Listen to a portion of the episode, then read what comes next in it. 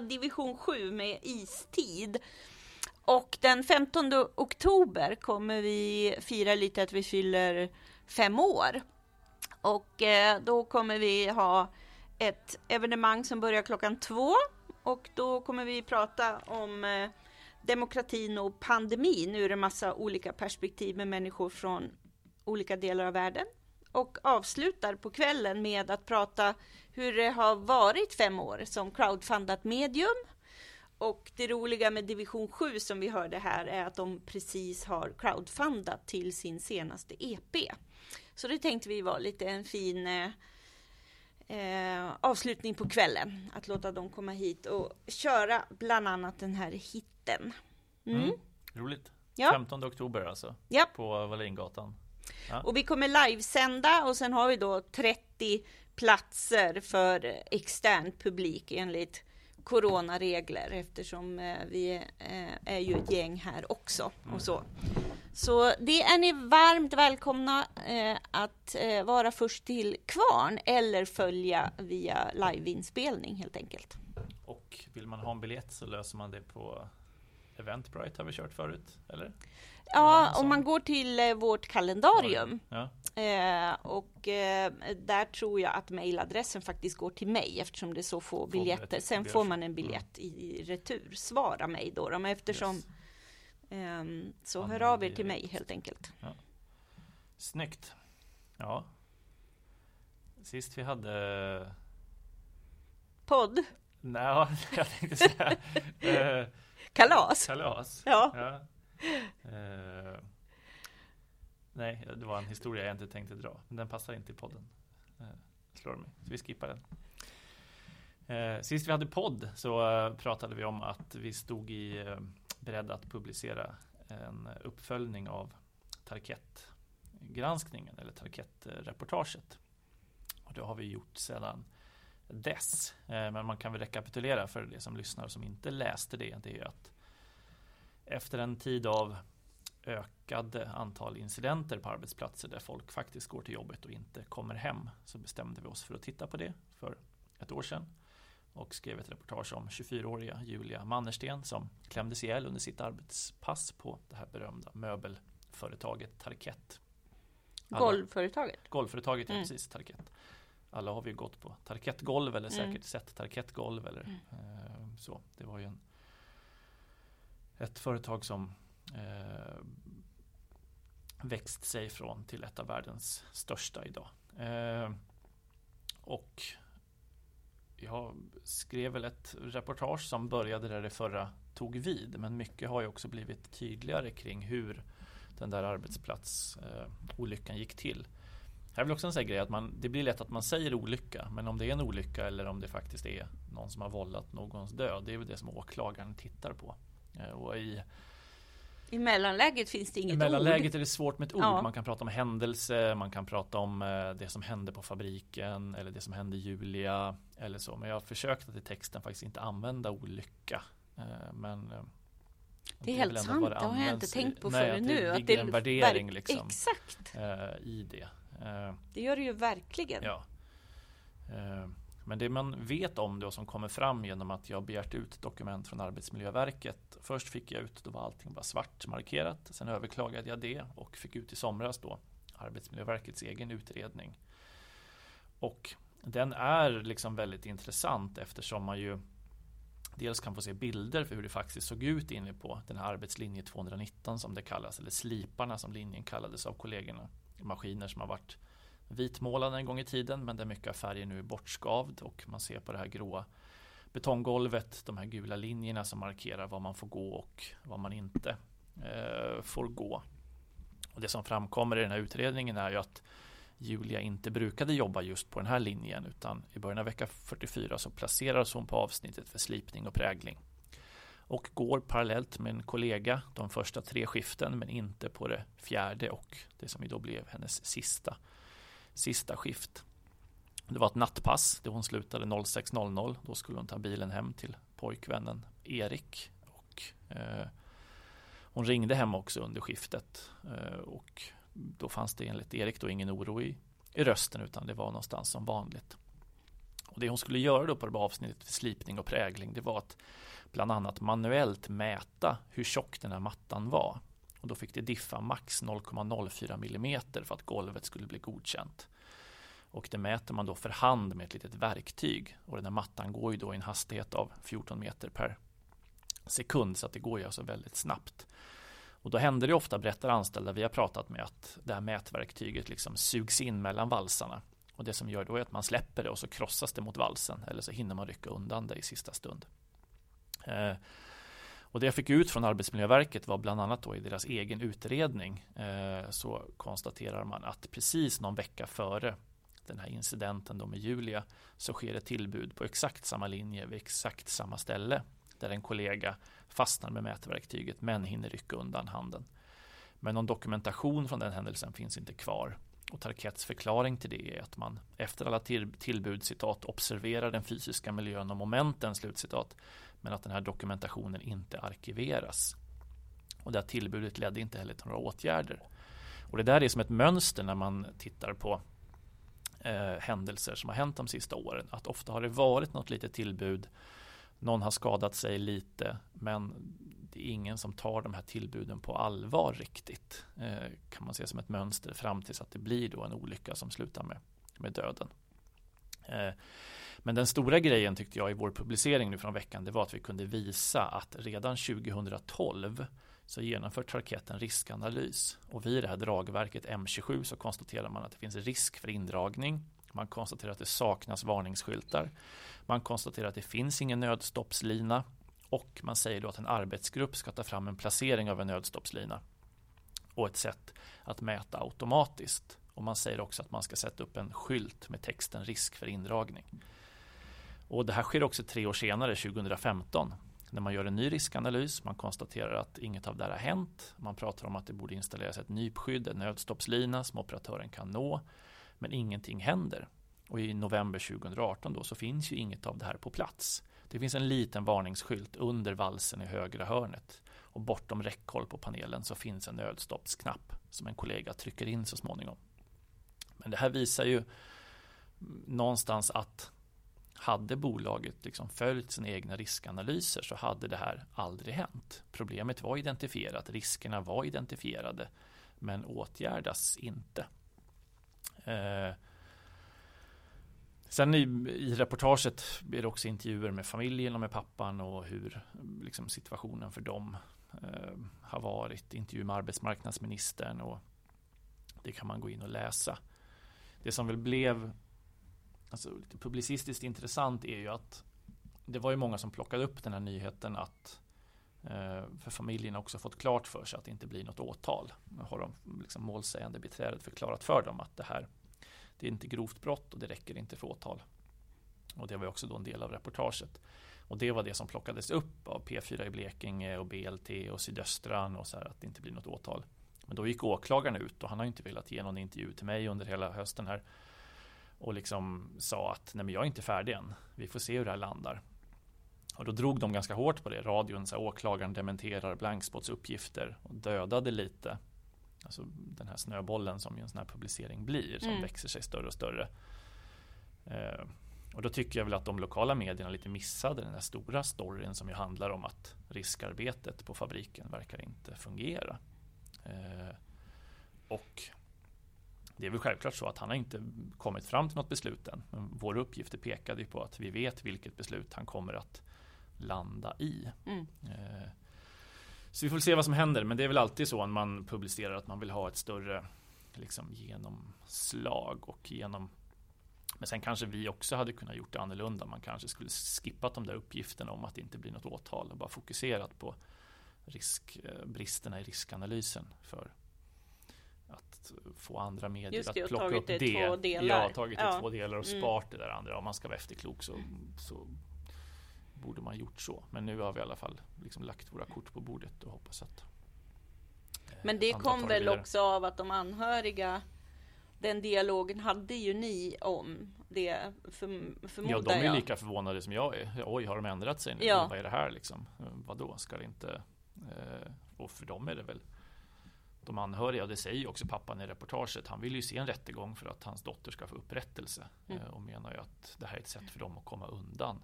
Att det är hemskt att det inte blir en rättegång. Han tycker ju då att vad är då Julia och hennes kollegor värda? Det är bara för bolaget att ta in en ny jobbare nästa dag. Ja. Och det inte får några, några effekter. Och även en företagsbot kring en miljon, det är ju ingenting för en global koncern. Nej. Som nu har gått hur bra som helst under pandemin också. Eftersom det är de här plastmattorna som används i alla fältsjukhus och sånt. Så Tarkett har ju gått för högtryck under den här pandemin och bygger ut fabriken i Ronneby och så. Så att ja, det här får vi eh, följa. Men har ni inte läst så in och läs och tyck gärna till och dela och sprid. Det här är ju en eh, det finns stort intresse för de här frågorna. Ja, det märker det vi gör ju. det. Det gör det verkligen. Ja. Att titta på just och det blir ju rubriker ibland, men ofta när det handlar om så här vargattacken på Kolmården eller björnattacken. Eh, den typen av händelser. Men just det här, ska man säga, någon ruschar genom ett galler eller någon blir klämd i en maskin eller någon för det händer ju liksom hela tiden, eh, var och varannan vecka, Mm. att någon går till jobbet och inte kommer hem i Sverige. Och med tanke på, nu ska man inte göra sådana lättköpta retoriska poänger, men ändå så här, hur många skjuts ihjäl i gängrelaterade konflikter? Där blir det ju ett väldigt halabaloo. Men alltså, hur många dör inte på jobbet? Det är mellan 40 och 60 per år i Sverige. Hade vi haft samma intensiva debatt, vad beror det på? Mm. Vad kan göras? Nya lagar, mer resurser, så tror jag man hade kunnat få, få nå den här nollvisionen som ju regeringen har satt upp. Eh, Så att ja, men vi fortsätter dra vårt strå till stacken och bevaka det här fallet och får ju mycket tips om andra fall också så vi får se vad vi kan skriva om framöver om det. Mm. Mm.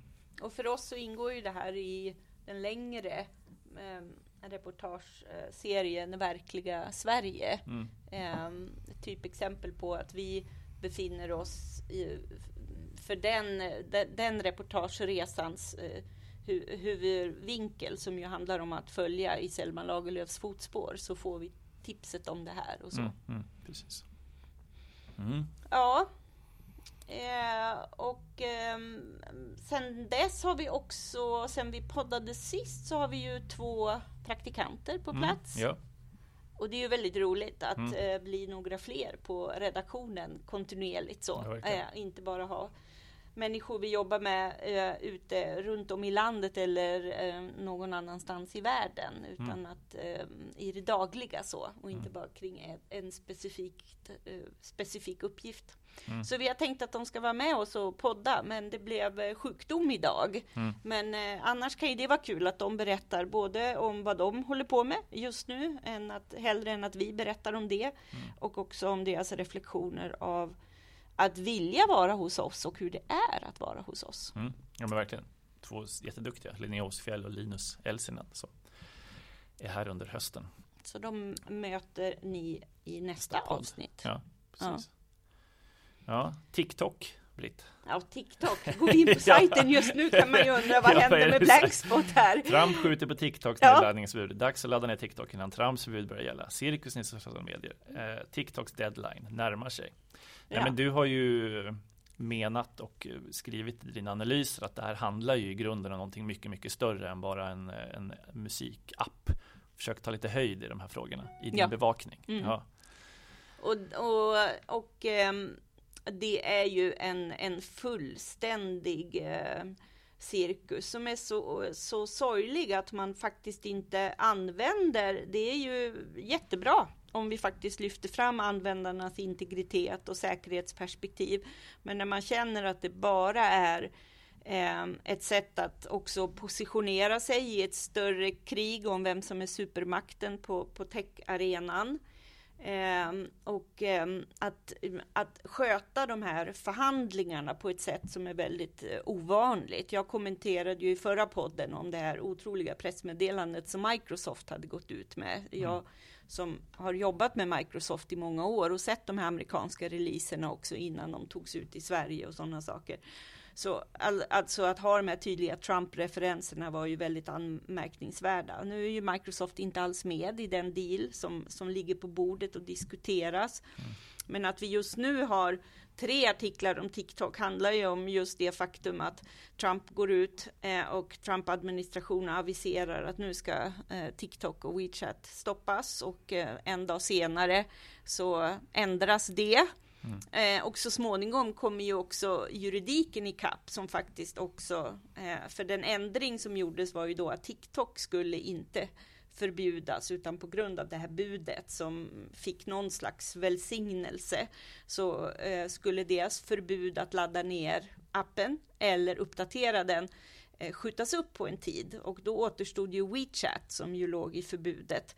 Eh, men sen kom ju juridiken i kapp som var ju en domstol i USA som säger att eh, det där ska nog prövas om det inte bryter mot yttrandefrihets eh, First Amendment och Fifth Amendment är väl det mm. som man mm. räknar med skulle kunna tillämpas här. Att, att gå ut och ta bort en plattform på det här sättet. Mm. Um, och i min rapportering där, det som är mest spännande och intressant att följa, det är ju de som var WeChat-användare, helt frånkopplat från Tencent som äger WeChat och som lämnade in en stämning Eh, och då fick man ju en chans att inse att eh, lite drygt 5% av eh, den amerikanska befolkningen är eh, Asian American mm. och, och eh, är otroligt beroende av WeChat. Eh, så det finns ju så, må så många lager i det här. men ytterst är det ju liksom ett, ett handelskrig som pågår.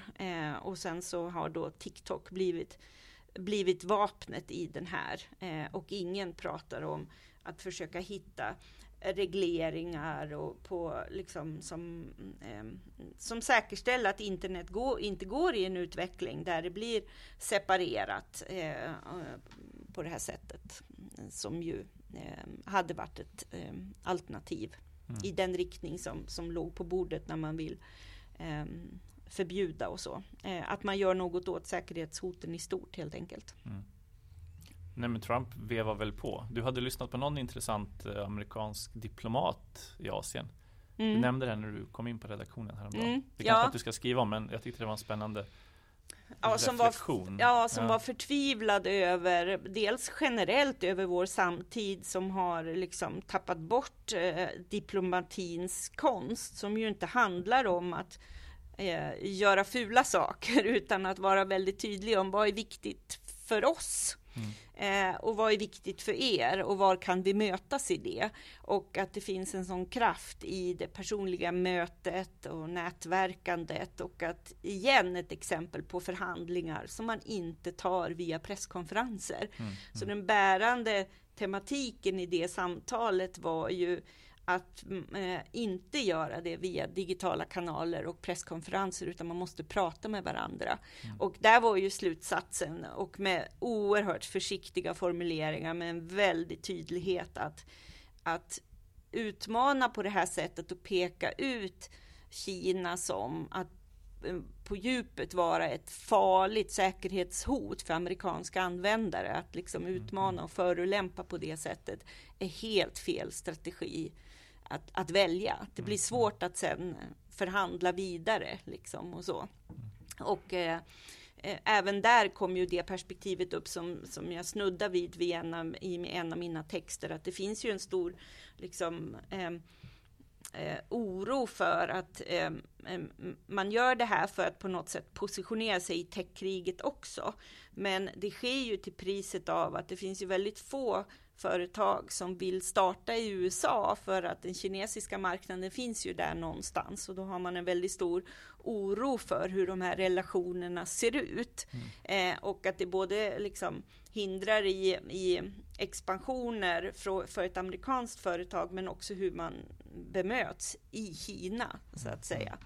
Och, och därmed blir man ju ut, utanför den här forsknings och universitetsaspekterna kring techutvecklingen i stort också. Mm. Så det, det, det, det, finns en anledning att eh, eh, bevaka de här frågorna ur det liksom, demokratiperspektiv som det innebär när man tittar på, på internets utveckling framöver. Eh, och, ja. Mm, det är spännande. Eh, det är någon, någon, eh, någonstans lätt att de frågorna försvinner i det här liksom eh, eller förminskas till en fråga om en app liksom, eller ungdomskultur hit eller vad är det senaste dit. Liksom. De Mm. grundläggande frågorna om integritet. Eh, och, ja, men, ja, det är jättespännande att läsa. Man lär sig mycket av att följa din, din TikTok-bevakning. Ja. Eh, Men jag kan förstå att du själv vill skriva om annat nu. Men det är ju mycket sociala mediejättarna överhuvudtaget. Det kom ju, Mm. vi pratade ju sist lite kort om eh, eh, det här lite um, utspel bland många andra som kommer från Trump hela tiden om att eventuellt benåda Snowden eller Mm, så. mm. Eh, och s- så tvekar man ju alltid om man ens ska dra i sådana där trådar för att så mycket bara är utspel Mm. eh, som har Mm. ett annat syfte som man inte riktigt vet vilket ännu och så vidare. Mm. Men, men däremot så eh, kom det sig ju sen att det var ju väldigt intressant att det var en, eh, eh, en sån eh, eh, vad heter det, överklagande hovrätt, Mm. eh, en federal amerikansk domstol, där det var ett överklagande som skedde, som ju i de eh, domstolshandlingarna som finns länkade i min text, otroligt spännande läsning. Det har tagit Mm, dem sju mm. år tror jag. Eh, men där ger man ju Snowden rätt. Mm. Eh, och där är ju den texten jag skrev om att tiden allt mer mogen för Snowdens avslöjanden. Så det är ju det, det, det, det är också en text inne på den tematiken. Och senare skrev jag om eh, att Facebook nu till slut har gått ut med vissa restriktioner för politisk reklam i samband med det amerikanska valet. Och det är ju min generella kommentar att för lite och för sent. Mm.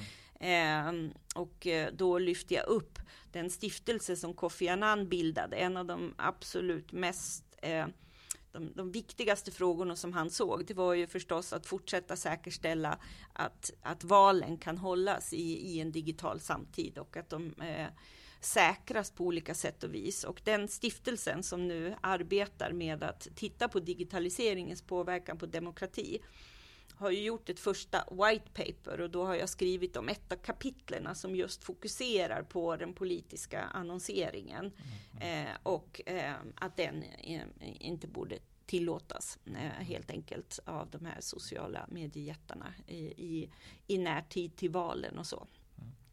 Så det är några av de frågorna som, som eh, eh, berör internetutvecklingen som ju jag skriver en hel del om. Mm. Jag har varit lite aktivist också, måste jag erkänna. Jag har, var intervjuad i min lokaltidning, Direktpress, om fönstren i mitt hus. där jag bor. jag har lagt lite tid på. Var, Det var, är blev det roll. privatpersonen eller blev det nej, men journalisten det blev där? privatpersonen. Ja. Det var främst andra grannar som skötte snacket. Men det var lite det är svårt, jag känner mig lite obekväm med den rollen. Jag, jag ser ju ett reportage framför mig som jag vill skriva om. Intervjua 90-åringen som byggde Farsta 1958 och som satte upp våra träfönster. Liksom ritat efter de här berömda eh, arkitekterna som ritade Farsta centrum som, som ABC-stad. Och sen så vad de här fönstren har varit med om. Liksom. Ja, men Berlinmurens fall och man bärgar Vasaskeppet och allting. Och sen så Idag då ska de kastas fast de är helt, finns inget fel på dem, inte de i min lägenhet eh, och ersättas med aluminiumfönster då som ett engångsfönster som inte går att renovera, som ingen vet riktigt hur länge det håller. En del säger garantin är på 10 år. Men sen, en del säger att de håller kanske 30-40 år, man vet inte. Sen får man byta ut dem igen. Ska man göra i aluminium ens? Ja, det gör de. Ja, det är så nya fönster ser ut. Och får det då träfönster slängs. Och trä kan man ju, nu är jag trätaliban och har träbåt och så, vet ju, kan ju hållas för evighet om man sköter det och oljar och tar hand om det. Men det är ju tragiskt att man inte renoverar. Och nu såg jag idag så hade de skrivit om i eh, Bagarmossen var det, på, om det var Fogdevägen har boende tagit strid mot Svenska Bostäder, också 50-talshus som ska rivas ut, originalfönster och i Kärrtorp var en annan strid. Och I Gröndal hade man vunnit punkthusen där och fått och renoverat sina fönster. Eh, så att det här bubblar, liksom, fem, striden om 50-talsfönster. En Men ny det- almstrid kanske, Ja. spår, spår vissa. Samtidigt så är det ju eh, ska jag vara ärlig med, jag har försökt driva det här internt i min bostadsrättsförening och begärt extra stämmor och sånt där. Det har varit som att springa in i en vägg. Alltså det, eh, Men ni Folk haft, vill ha vitt och fräscht. Och, ni har haft eh, ändlösa långa möten. Ja, men verkligen. Det är ja, men svårt att argumentera för de, de värdena. Och kanske värden som man inte uppskattar förrän kanske, ja, men säg om 50 år. Liksom. Mm. Då är det klart att de husen som har kvar sina originalfönster i Farsta kommer vara väldigt eftertraktade när allting annat är aluminium och plåt. Kan du vägra byta i din? Alltså jag frågade faktiskt en, ny, inte en jurist, men en handläggare om det. Vad händer? Men då förlorar man ju sitt, man förlorar sin lägenhet. Alltså då, man eh, Är det så? vräks ifrån. Ja, det är inget att rekommendera sa han. korta, korta förklaringen. Ja. Nej, alltså vägrar du släppa in hantverkare annat på sitt är det ju grund för att bli av med din bostadsrätt. Hamna på gatan. Och då känner jag att den kullen ska jag inte dö på. Liksom. Att den trä- träfönsterkullen från 50-talet. Så jag får bara äh, släppa det här nu.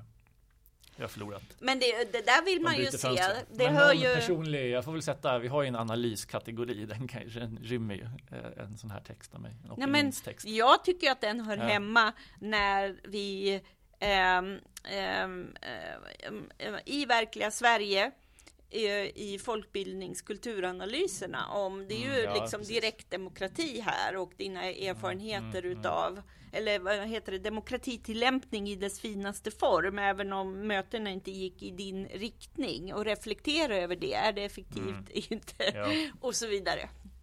ja, jo. Eh, Ja, det finns mycket att säga om det. Även Och där får du ju in också kulturaspekterna av och så Ja, nej, vidare. men det är klart jag måste göra journalistik av det. Jag vill Ja. lämna den aktivistrollen och skriva om det. Eh, det blir på något sätt bättre. Det finns ju goda argument för att byta också såklart. Um, Alltså, energi och allt möjligt. Jag kan spara. Det bästa hade varit att bara mura igen allting, ha små gluggar som barnen kan titta ut genom. Alla tyckte det var roligt. Om man vill spara energi. Jag är inte bitter. Jag är, jag är inte alls. Jag Man hör hur tongångarna gick på det där mötet. Ja.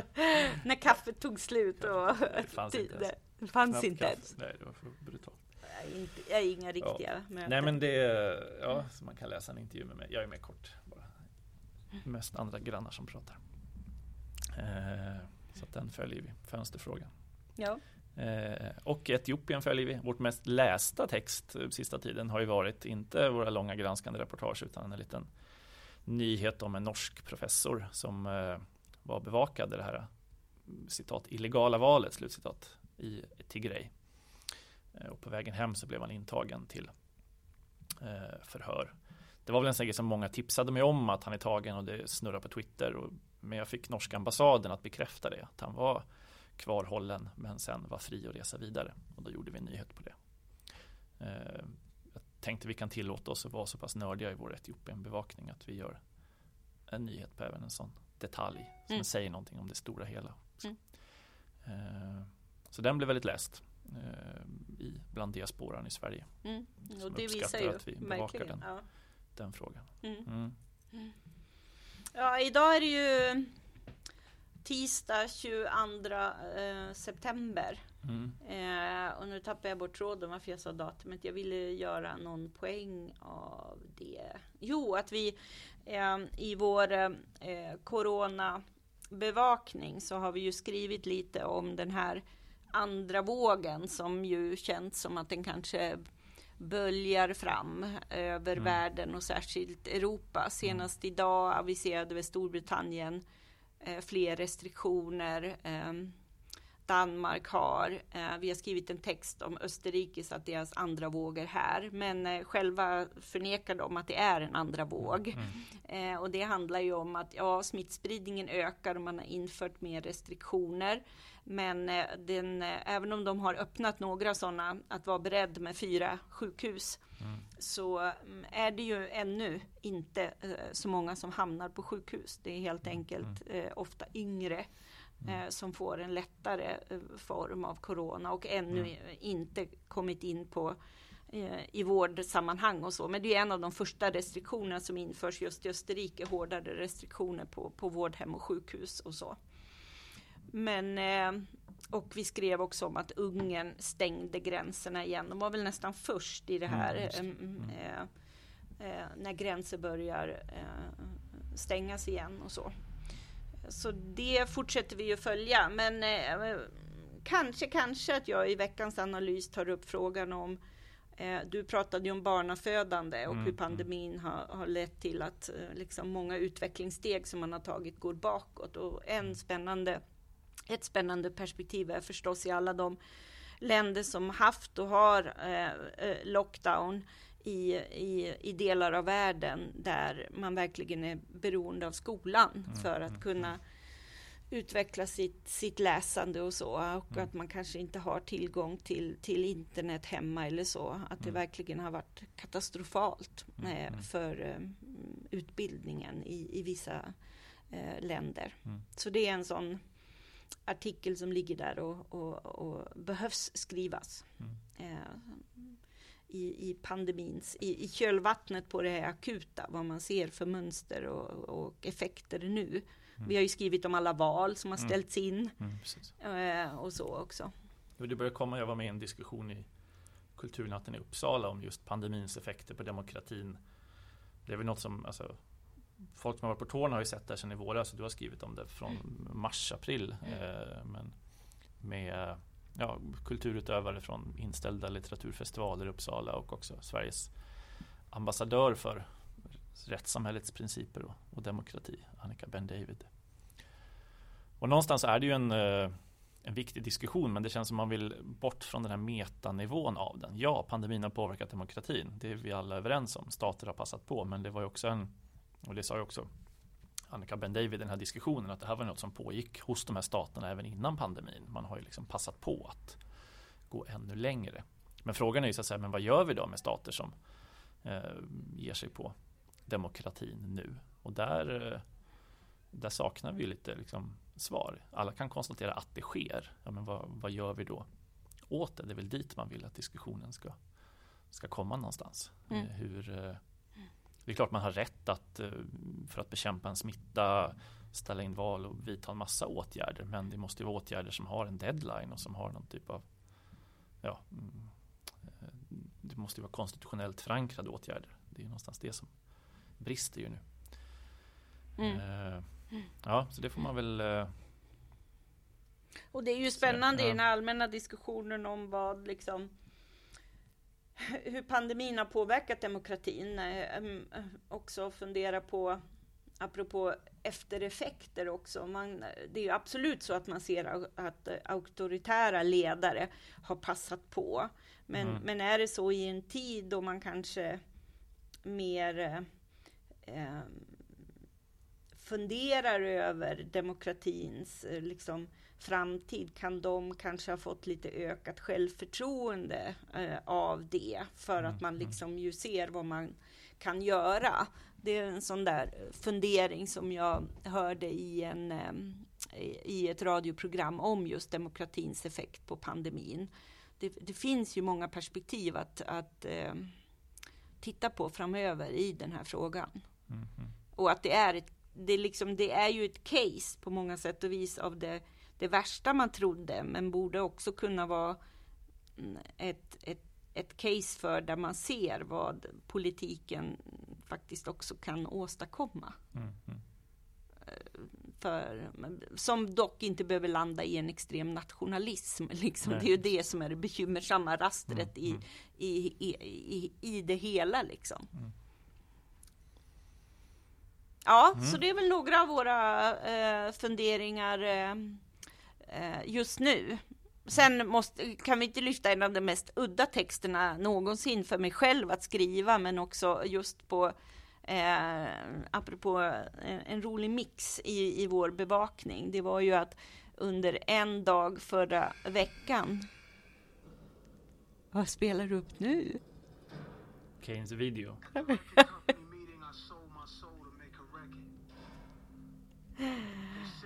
artistically free when we signed that bit of paper. They say they're gonna give me lots of money if I play what they want you to hear. I'll make my music boring. I'll play my music slow. They take your money, break your soul. They say it's only rock and roll. Industry rule number 4080. Ja. Company Ja, vad handlar det här om Britt? Ja, det är Kanye Wests ehm, ehm, eh, ilska mot skivbolagen eh, för att inte som artist eh, äga eh, upphovsrätt och mastering, eh, mastertaperna och så. Och det är ju en strid som har eh, drivits av många och eh, den här videon som du spelar upp den inleds ju med Eh, just Prince som ju ägnade en otroligt stor del av sin karriär och förlöjligas när, när han började med det i början på 1990. Det var ju då han bytte namn mm, och skrev mm. Slave i ansiktet. Eh, men det här är ju också, det är ju, det är ju känt att eh, Kanye West eh, eh lider av eh, bipolaritet och eh, man kan ju följa hans eh, medvetandeström på Twitter och här blev det ju på något sätt otroligt skruvat för då kom det ju hundratal tweets och han som det såg ut, någon i alla fall urinerade på en Grammy som låg i en toalettstol och detta mm. var samma dag som hans fru eh, Kim Kardashian deltog i en förlängning av den annonsbojkott som vi har skrivit om, som ju heter Stop Hate for Profit. Den eh, var ju företag under sommaren som gick med i en annonsbojkott som eh, just den här samma dag ledde till att ett antal större Instagram och Facebook och Twitter profiler och influencers valde att frysa sitt konto. En lite löjlig formulering, att man helt enkelt för 24 timmar inte var med. Så det blev på något sätt så här eh, skruvat över att eh, såg inte hon det här då? då? Hur mm, fryst var hon från sin digitala närvaro? Eh, och sen blev det bara en påminnelse om att detta var ju också samma vecka som det aviserades att eh, Keeping Up with the Kardashians som ju är också ett stort populärt kulturellt fenomen och som på mm. något sätt är en pusselbit i mediekartan utifrån eh, de entreprenöriella dragen runt och liksom lanseringen av eh, x antal mm. eh, produkter. Eh, och de är ju superentreprenörer och har förändrat eh, mediekartan delvis. Liksom. Eh, och vad det är en typisk sån Instagram-influencer kan man ju verkligen säga. Mm, mm. Så det blev en sån här skruvad dag på internet helt enkelt. Mm, mm. eh, som var på något sätt en sinnebild av vår digitala tids royalister som stökar runt mm, på ett mm. sätt som eh, förtjänade en, eh, en kulturtext av det mer udda slaget hos oss. Men sånt kan vi ha ibland. Ja, verkligen, verkligen. Ja, och nästa fredag kommer ju nästa nyhetsbrev från Blankspot. Signa upp er på det om ni inte har gjort det. Eh, och är ni inte medlemmar så bli självklart medlemmar också. Eh, har vi något mer innan vi Nej, påminner bara om att eh, Save the Date 15 oktober med start klockan 14. Mm. Eh, så... Då det blir Blankspots femårs eh, femårsfirande med seminarium, snack om pandemin och musik.